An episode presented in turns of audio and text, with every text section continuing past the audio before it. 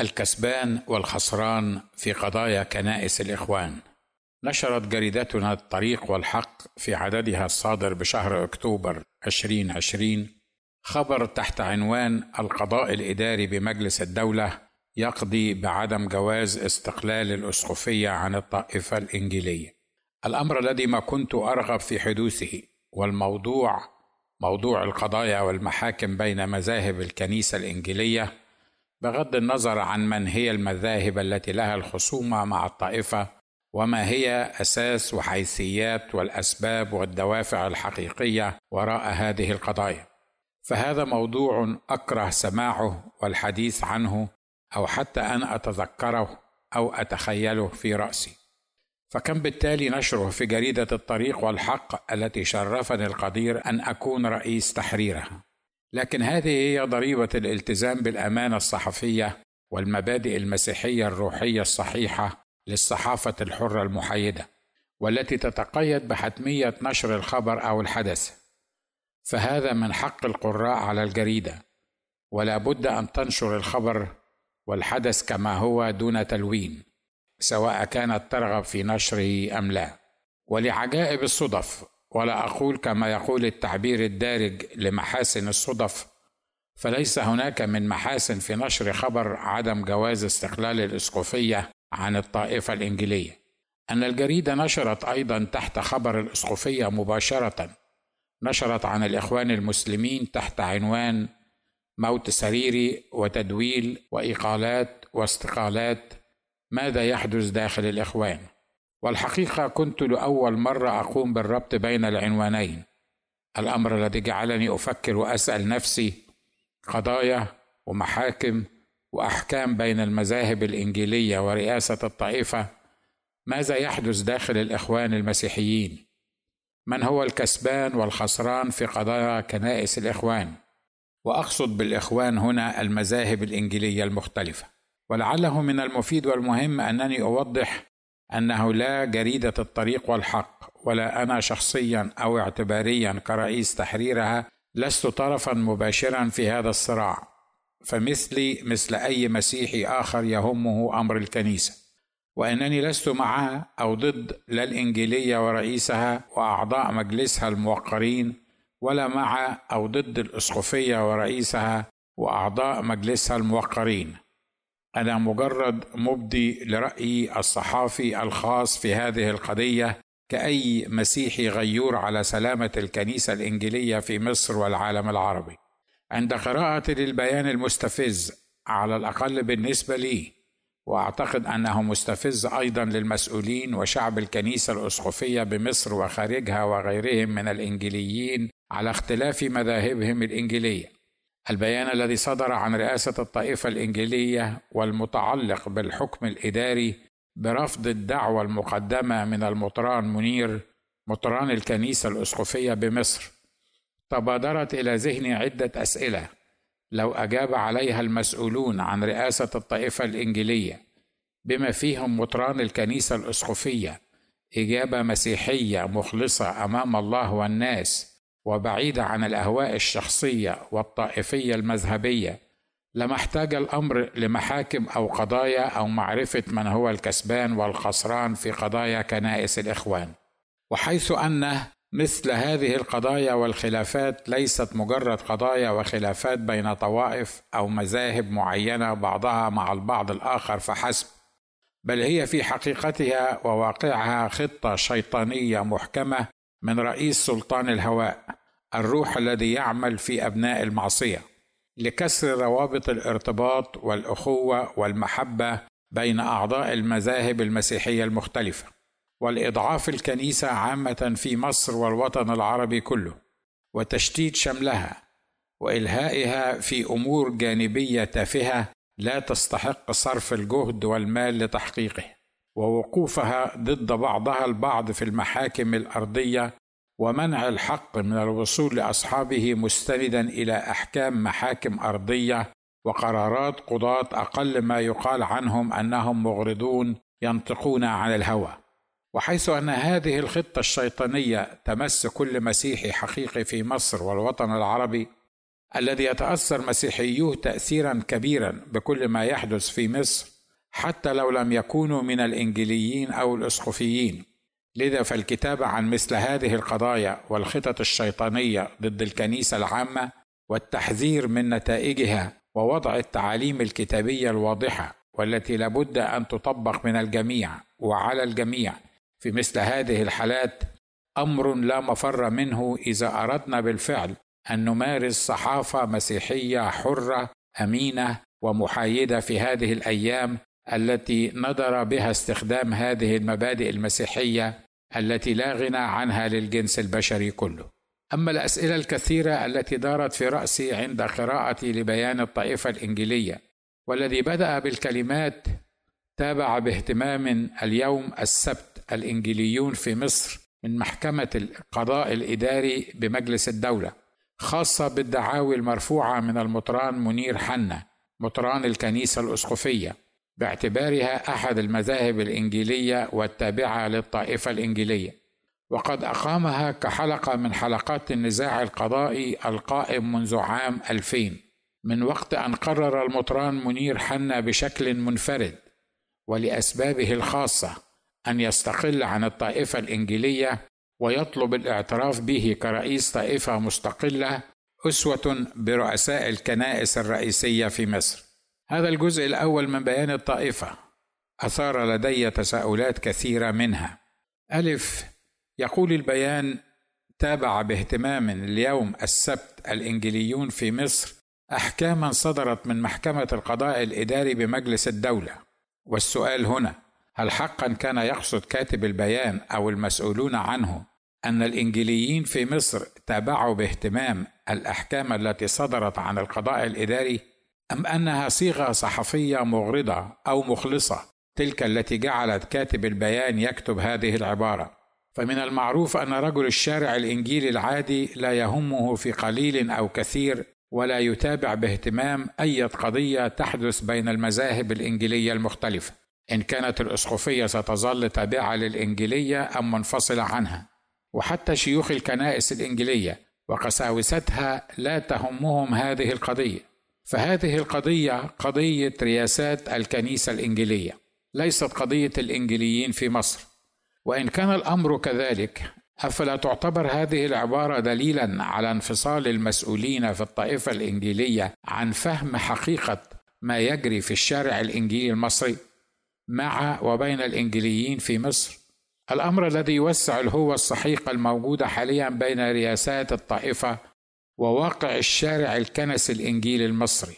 فلو كانت مصر عامة والكنيسة الإنجيلية خاصة يؤمنون ويهتمون بإجراء استبيانات علمية وعملية نزيهة وأمينة ومهدفة للحصول على رأي رجل الشارع العادي أو المترددين على الكنائس أو على الأقل المسؤولين عليها فقط لعرفت أن الغالبية الساحقه لا تعلم أن هناك ما يعرف بالكنيسة الأسقفية في مصر. بالرغم من كل ما تقوم به من خدمة للمجتمع ككل وللكنيسة العامة في مصر والوطن العربي وبالتالي لا يعرفون من هو المطران منير ولا ما هو أمر خلافها مع الطائفة الانجيليه وبالقطع لم يتابع إلا نفر قليل من المسؤولين عن الطوائف المسيحية في مصر لقرار المحكمة الإدارية المتعلق بنزاع الأسقفية مع الإنجيلية.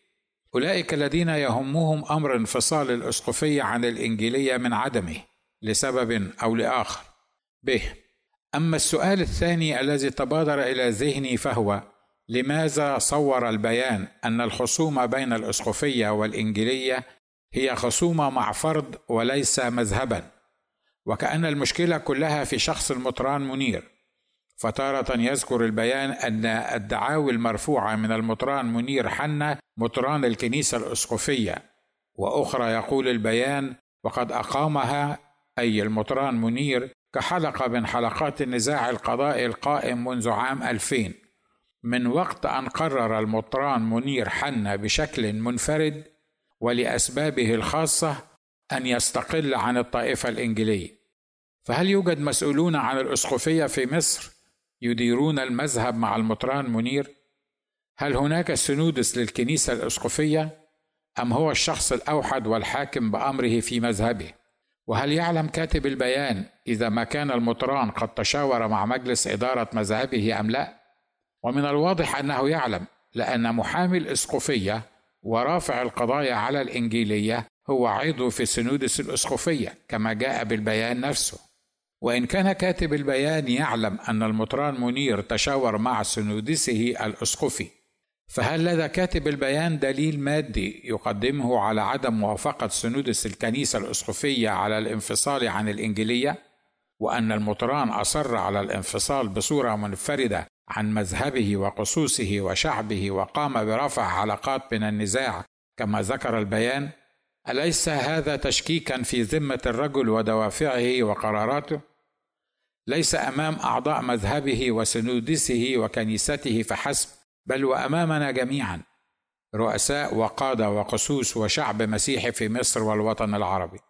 ألا يصور البيان في فقرته التي ورد فيها قرر المطران منير حنا بشكل منفرد ولأسبابه الخاصة أن يستقل عن الطائفة الإنجيلية ويطلب الاعتراف به كرئيس طائفة مستقلة أسوة برؤساء الكنائس الرئيسية في مصر إن أسباب ودوافع المطران منير الخاصة والتي ذكرها البيان صراحة في قوله ويطلب الاعتراف به كرئيس طائفة مستقلة أسوة برؤساء الكنائس الرئيسية في مصر فهل كل ما يناضل لأجله المطران منير هو الاعتراف به كرئيس طائفة مستقلة أسوة برؤساء الكنائس الرئيسية في مصر؟ أم يناضل لاستقلال مذهبه عن الطائفة الإنجيلية ورياساتها لأسباب عامة ليست خاصة بالرجل يعرفها الجميع. ولا شك أن لقائد مثله أسبابه الخاصة أي غير معلنة على الملأ لكنها أسباب غير شخصية والتي قد لا يستطيع أن يذكرها كلها تادبا منه أو لعدم إحراج رئاسة الطائفة الإنجيلية.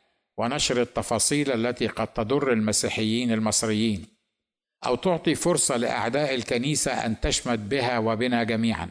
دعني أقولها صراحة فالمطران منير كان وسيظل طبيبا ناجحا وهو لم يكن بحاجة من الأصل بأن يصبح مطرانا للكنيسة الأسقفية. فلو كان جل اهتمامه هو الألقاب والتي من بينها رئيسا للكنيسة الأسقفية أسوة برؤساء الكنائس الرئيسية في مصر لكان أعظم له وأكثر راحة أن يستمر في عمله الذي كان يخدم فيه الله بكل طاقته وبكل أمانة ويقدمه للمجتمع المصري كله بغض النظر عن الدين واللون. جيم. سؤال آخر تبادر إلى ذهني وهو لماذا أقام المطران منير كل هذه القضايا والمحاولات للانفصال عن الطائفة الإنجيلية على مدى عشرين سنة مضت ولماذا تصر الطائفة الإنجيلية على الإبقاء على الأسقفية كجزء منها ومن هو صاحب المصلحة في عدم الانفصال ولماذا ومن هو صاحب فكرة إقامة كيان واحد يجمع الطوائف الإنجيلية تحت رئاسة واحدة؟ وللإجابة على هذه الأسئلة لابد من أن نبدأ بكيف تكونت رئاسة الطائفة الإنجيلية من أصله. والحقيقة أنه كان ينبغي أن تكون فكرة إقامة كيان واحد يجمع كل من الإخوان المسيحيين في المذاهب المختلفة في جسد واحد أي الكنيسة ورأسها ورئيسها السيد الرب يسوع نابعة من المسيحيين أنفسهم لخدمة بعضهم البعض كمذاهب وأفراد. إلا أن فكرة هذا الكيان الواحد أي فكرة وجود ما يسمى برئاسة الطائفة أو المجلس الملي الانجيلي العام هي فكرة مصرية خديوية إسلامية بوليسية قديمة.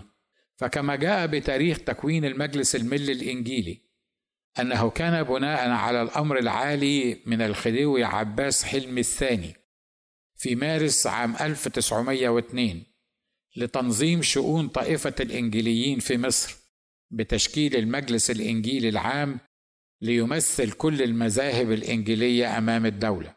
والحقيقة لا أدري لماذا الصراع حول الانفصال أو البقاء من أصله. لماذا لا تترك رئاسة الكنيسة الإنجيلية أمر المذاهب المختلفة لقادتها والمسؤولين عنها؟ فمن أراد أن يبقى من المذاهب تحت هذا الكيان الذي في رايي الشخصي لا ضرورة تستدعي وجوده والتمسك به ولا فائدة منه فالطائفة الإنجيلية لا تراها حتى الحكومة المصرية أنها كيان مسيحي قائم بذاته بل تراه جزءا صغيرا من المسيحيين تابعا في المواقف والقرارات والتوجهات للكنيسة الأرثوذكسية. رئاسة الطائفة التي لم أرى طول حياتي على الأرض قرارا حازما ملزما يصدر عنها لحل قضية ما أو فض اشتباك ما أو دفاعا عن قضية مسيحية مصيرية أو المناداة والدفاع عن حقوق المسيحيين في مصر والتي من بينها إغلاق الكنائس الإنجيلية أو هدمها لسبب أو لآخر أو خطف البنات المسيحيات حتى في عصر الحريات الدينية النسبية التي تعيشها مصر اليوم برئاسة الرئيس السيسي وغيرها الكثير مما لا يتسع المجال لذكره. والسؤال هنا لماذا تصر الكنيسة الأسقفية على الانفصال عن رئاسة الطائفة الإنجيلية في مصر؟ ولماذا إصرار الطائفة على الإبقاء عليها؟ في رأيي الخاص أن الأسباب التي يمكن أن تكون هي الدافع لطلب الأسقفية الانفصال عن الإنجيلية وأنا هنا لا أتكلم بلسان الأسقفية بل بلسان المنطق البشري والتحليل الشخصي للأحداث. ألف أن الأسقفية مذهب مسيحي كبير وخاصة في البلاد الأوروبية وبالذات في إنجلترا. ولها كنائس وخدمات دينية واجتماعية في معظم البلاد العربية. والمطارنة الأسقفيين على مستوى العالم يرأسهم أسقف واحد منتخب منهم فلماذا يتبع مطرانهم في مصر رئيسا آخر غير أسقفي ويخضع لرئاسته ب معظم المذاهب الصغيرة المتواجدة في مصر ليست لها قيادة مركزية على مستوى العالم يمكن أن تدافع عنها في أزماتها أو تقف بجانبها لتسديد احتياجاتها.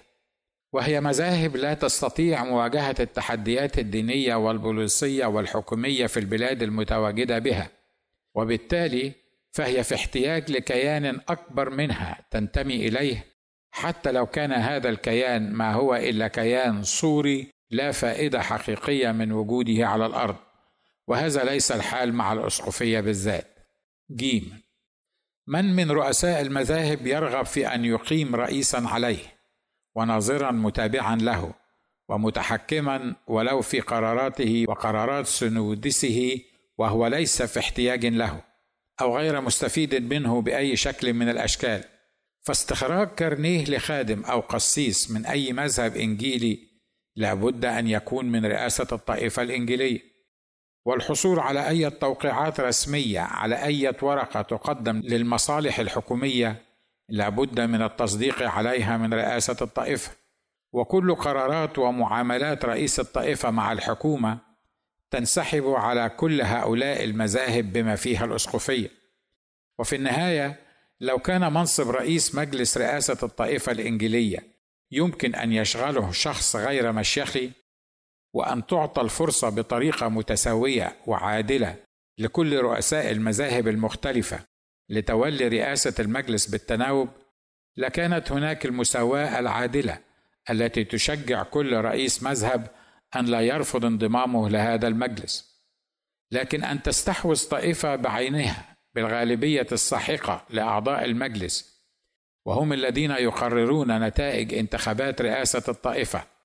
فهذا ظلم بين. يحبط المتطلعين المخلصين من غير المشيخيين في محاولة الحصول على رئاسة الطائفة حتى لإصلاحها عند احتياجها لإصلاح أو تغيير. وفي رأيي أن إصرار الطائفة الانجيليه على إخضاع الاسقفيه بقوة القانون للبقاء في مجلسها غير المرغوب فيه من الاسقفيه حسب وجهة نظري أيضا ربما يرجع للأسباب التالية. ألف. لكي تظل قبضتها قابضة على كل المجامع والمذاهب ورؤسائها وتسييرهم كما ترغب والضغط عليهم بطرق مختلفة لا مفر من الخضوع لها إن هم قرروا الاستمرار في خدمة الله في مصر. به. ربما ترفض الانجيليه انفصال الاسقفيه لمحاولة إقناع الشعب المسيحي في مصر والرياسه المصرية أننا طائفة كبيرة ذات مذاهب كثيرة ولنا أهمية في عالم الأحياء والمذاهب. ومنا من تعدى في ارتباطه حدود مصر ومن يستطيع أن يوصل صوته حتى للقصر الملكي الإنجليزي.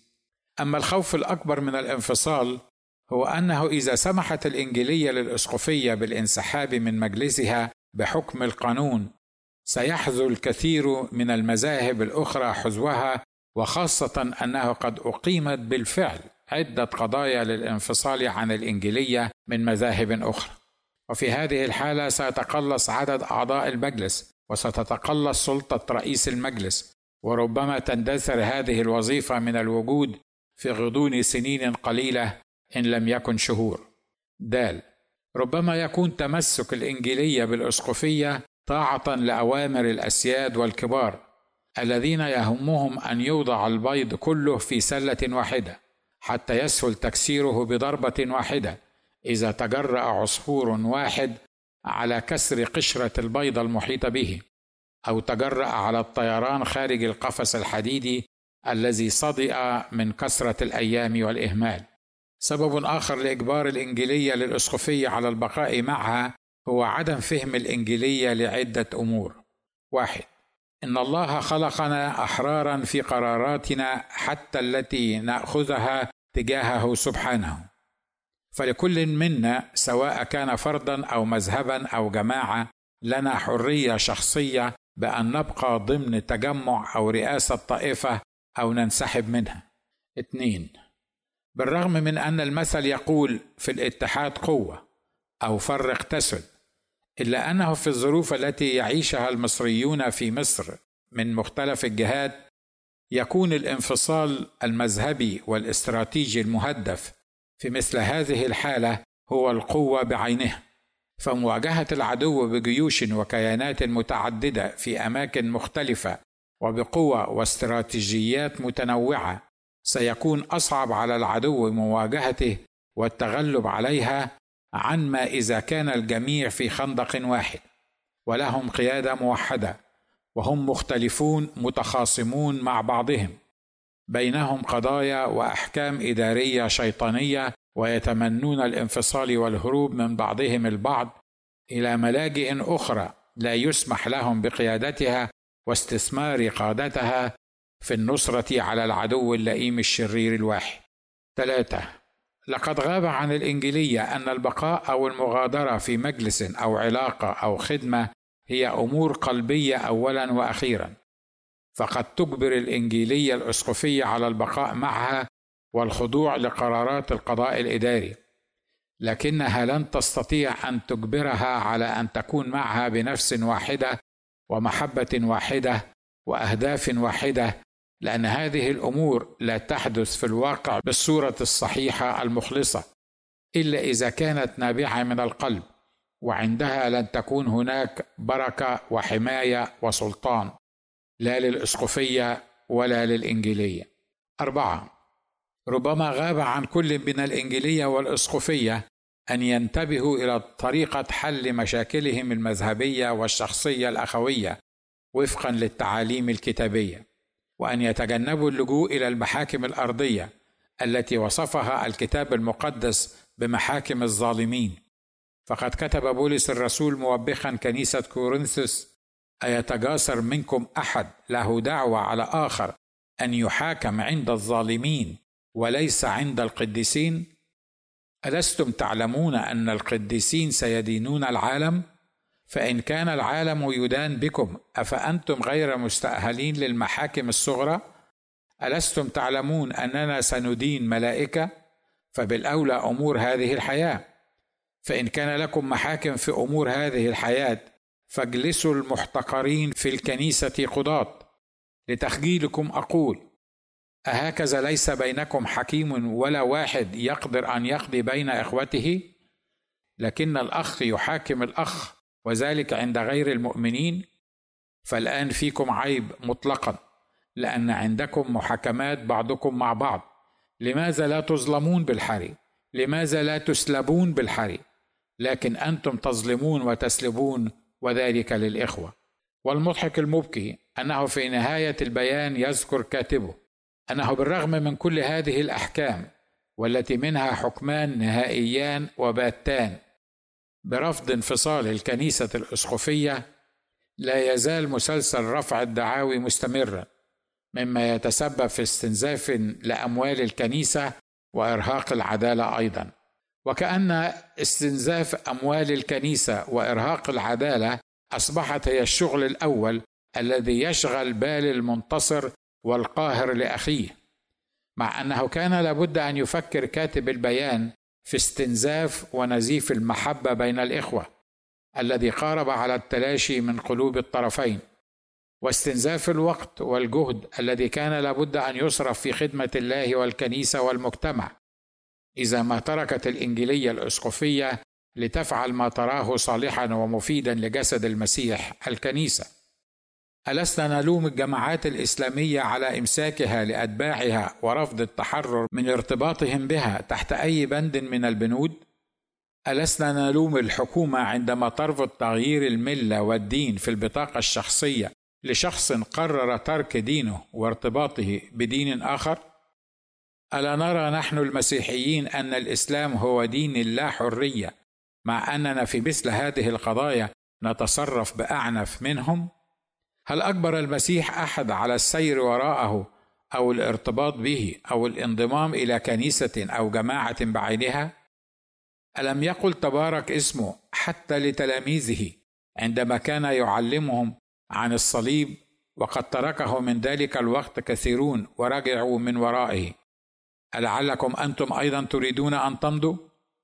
هل تستطيع الأسقفية أو الإنجيلية أن تقول لنا بضمير صالح إن كانوا قد اجتمعوا في جلسة حبية واحدة وصلوا معا وسألوا الروح القدس فيما يريدهما أن يفعلوا وتركوا الأمر للرب وطلبوا منه أن يحل هذه المشكلة من سماه دون محاكم ومستشارين وقضاء هل يستطيع أن يقول أي منهم رأى الروح القدس ونحن أننا لابد أن ننفصل أو نبقى مع بعضنا البعض؟ إن المستفيد الوحيد من بقاء الاسقفيه وغيرها في الإنجيلية هو العدو الشرير ومنفذو خططه في مصر من المسؤولين وقضاة وأمن وغيرهم. وإنه لشيء طبيعي وتحصيل حاصل أن يحكم القضاء الإداري المشرف عليه والمسيس من وضع القوانين في الدولة تلك القوانين الموضوعة لا لمنح حريات وصلاحيات لكل من يريد أن يتحرر وينفرد بذاته ويخدم الله ومجتمعه وفقا لما يمليه عليه المولى تبارك اسمه بل لكي تتحكم تلك القوانين والأحكام الإدارية في شعب المسيح المصري. علما بأننا كشعب مسيحي نحن من نعطيهم الفرصة سانحة سهلة ولأسباب كثيرة للحكم علينا بما يريدون مستغلين خلافاتنا والنتيجة أنه لن يكون هناك كسبان أو خسران في قضايا الإخوان إلا من هم خارج دائرة الإخوان والإيمان. ليت الكنيسة تضع وجهها في التراب وتأتي بتواضع وتوبة معترفة بشرها وكبريائها وأنانيتها وبكل أخطائها وتترك القرارات الحاسمات لمن له الأمر. الإله القدير العليم الحكيم المتسلط في مملكة الناس. صاحب الأرض وملؤها المسكونه والساكنين فيها.